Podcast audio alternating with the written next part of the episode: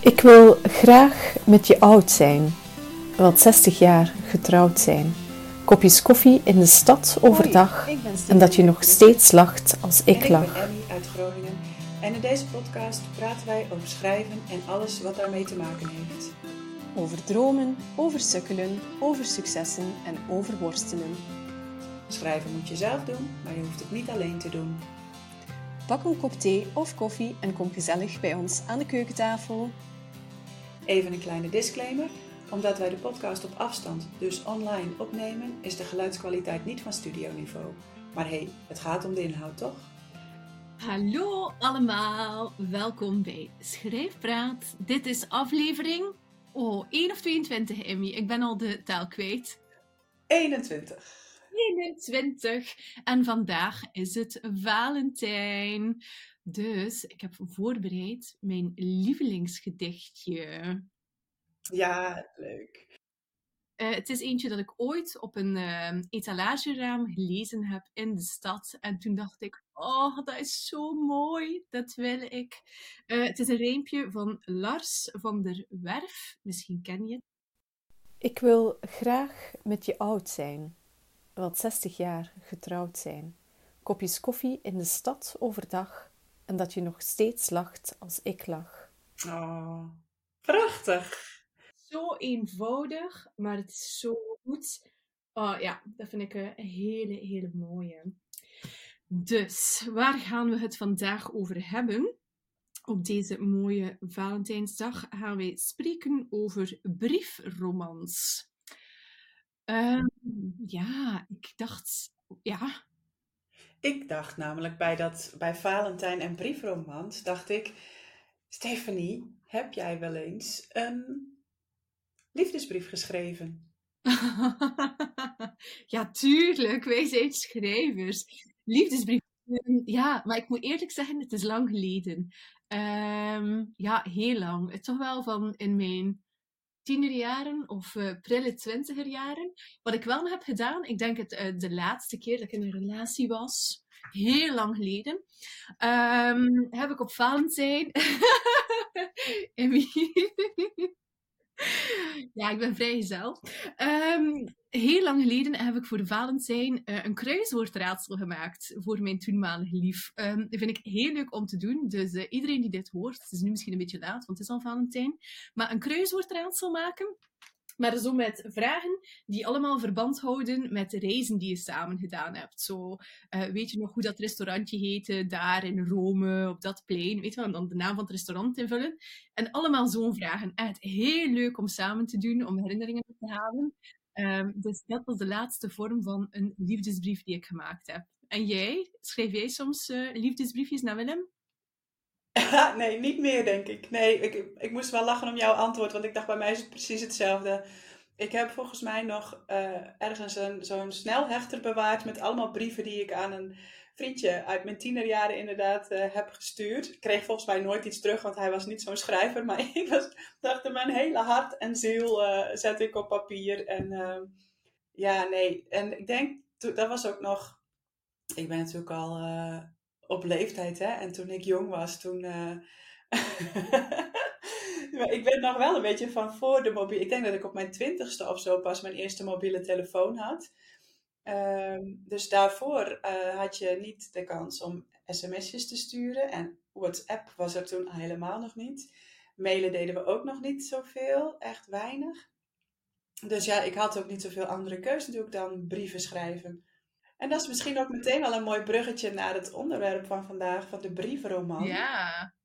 Want eigenlijk is die ook een beetje ontstaan in een tijd dat, dat er vooral heel veel brieven werden geschreven. Hè? Ehm, en er natuurlijk nog geen, eh, geen digitale communicatie mogelijk was.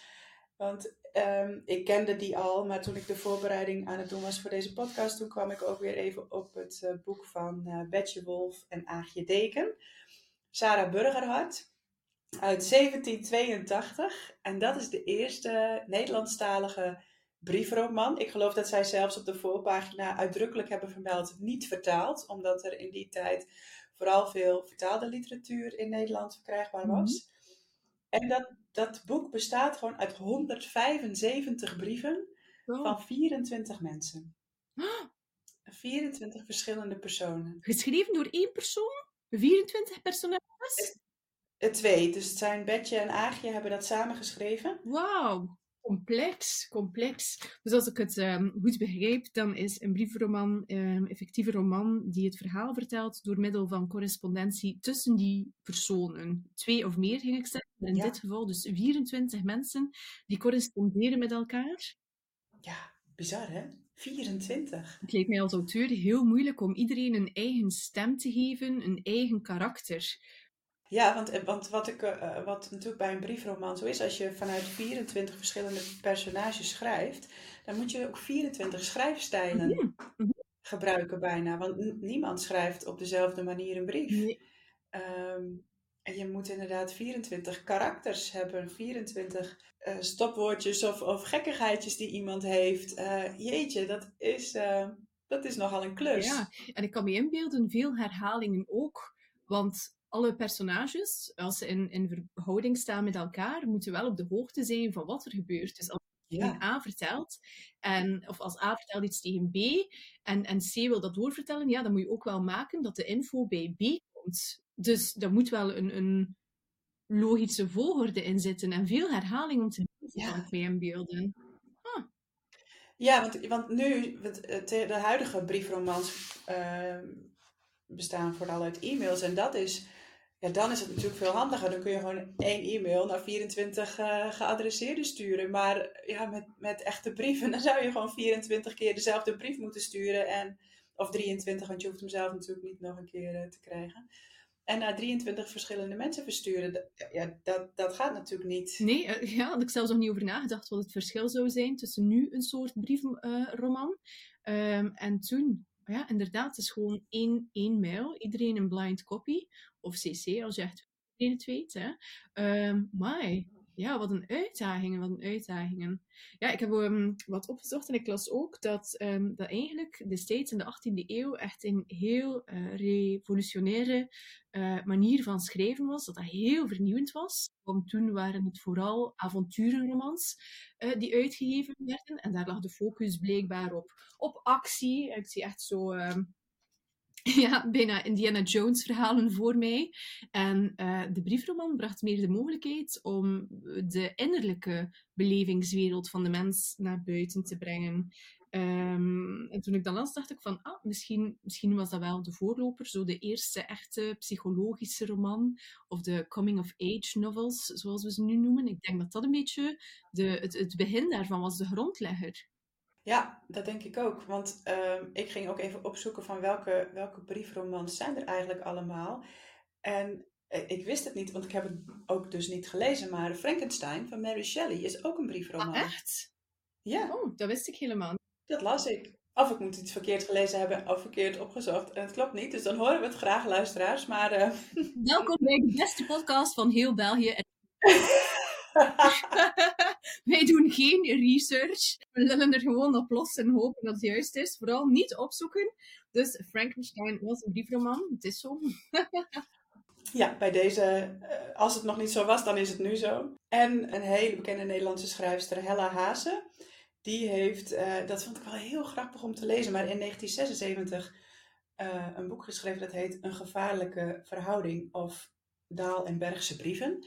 En dat is gebaseerd, of zij heeft daar eigenlijk een personage gepikt uit een van de eerste briefromans. Met een mooie Franse titel, die ik natuurlijk op zijn Frans helemaal niet zo goed uit kan uh, spreken. Maar volgens mij heette die Liaison Dangereux. Mm. En uh, dat is natuurlijk eigenlijk uh, de, het, in het Frans een gevaarlijke verhouding. Mm. En zij heeft één personage daaruit gehaald. van van hè, 200 of 300 jaar eerder. En daar heeft ze een, een personage uit haar tijd, dus rond 1976, tegenovergezet. Dus dat, is ook, dat vind ik dan ook wel weer heel grappig. Dat iemand gewoon een personage leent uit een hele vroege briefroman om zelf een briefroman te schrijven. Ik vind dat wel een leuke insteek. Ja, ik ook. En ik noemde het net al eventjes, want je hebt dus nu... Uh, had jij daar niet ook... Ik zag jou dat jij iets gedeeld had op Instagram over Kees het Hart, van Kees het Hart. Heb ik dat niet goed Echt? gezien? Ja, ik, waarschijnlijk wel. Um, oh, nee, nee, nee. Ja, ik weet het weer. Um, ik neem het er even bij. Dat was een um, gedicht van Toon Tellegen. Ja, ja, nu het zegt. Even kijken. Oh, dat was een mooie tekst, hè? Ja. Ehm, zal ik het voorlezen? Ik heb het gevonden. Ja. Ja, ik, ik, ik was eigenlijk, ik ga eerlijk zijn, ik was op zoek naar een, ehm, een, een gedichtje voor deze Valentijnsaflevering. Um, en ik had al um, het, het versje van Lars van der Werf, maar ik dacht, ik ga toch verder kijken. En ik had getwijfeld om dit voor te lezen. Dus het is grappig dat je, Mm. uh, dat je er nu op terugkomt. En ik heb het dan ja, niet opgeslaan, maar gedeeld op mijn stories. Oké, okay, dus het is uh, Ton Tellegen. De titel is Waar gaat het om? Voor Keesthart. Waar gaat het om? Schaamteloos schrijven. Naakt, onbehouden, rauw. Pas als je je pen hebt neergelegd, je schamen. De gordijnen dicht doen. De deur op slot. Niet antwoorden als iemand vraagt of je komt. Ongelooflijk, zoals je je hebt laten gaan. Je wist niet dat je dat kon. Je vraagt je af of je misschien ziek bent en dit het eerste symptoom is. Het laatste symptoom is de dood, denk je bitter, en schrijf je vlug nog even op. Dan iets anders gaan doen. Je nagels klippen, een la opruimen, de geschiedenis van het Byzantijnse Rijk googelen, Belisarius, Anna Komnena, s'avonds het geschrevene teruglezen, jaloers zijn op jezelf, verbluft. Heb ik dat geschreven? Je mouwen opstropen en opnieuw zo willen schrijven. Maar dat gaat zomaar niet. Ja, supermooi. Maar dat was dus voor Kees het Hart. Ja. Ja, en Kees het Hart, die heeft dus in 2004 ter navolging geschreven. Uh, en dat is ook een soort briefroman. En hij heeft daarvoor de brieven van Betje en Aagje uit uh, Sarah Burgerhart gebruikt. Hmm. Maar ook voor het eerst um, e-mails en sms-berichten uh, erin verwerkt. Dus dat is nog een soort hybride briefroman.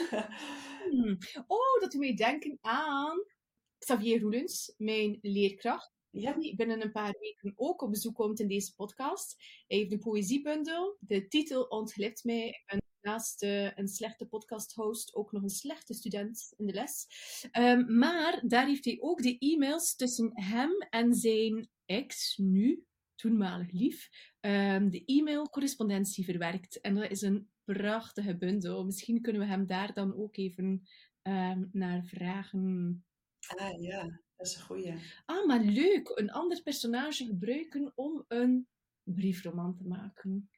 Ja, of dus brieven uit een eerdere briefroman aanvullen met e-mails en sms-verkeer. Dat je een soort, nou, wat ik al zei, hybride uh, briefroman krijgt. En dan is er tegenwoordig ook nog, en volgens mij was dat de debuutroman van Marjolein Degenaar in 2020.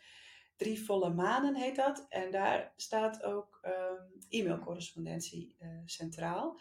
Dus je ziet ook dat de ontwikkeling van de briefroman eigenlijk ook een beetje met zijn tijd meegaat. Ja. Hè?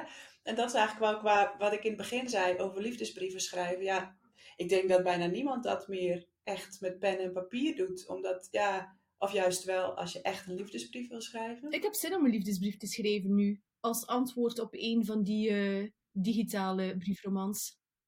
Ah, nou, ik zeg, uh, ga doen vanmiddag. Wil je niet meedoen?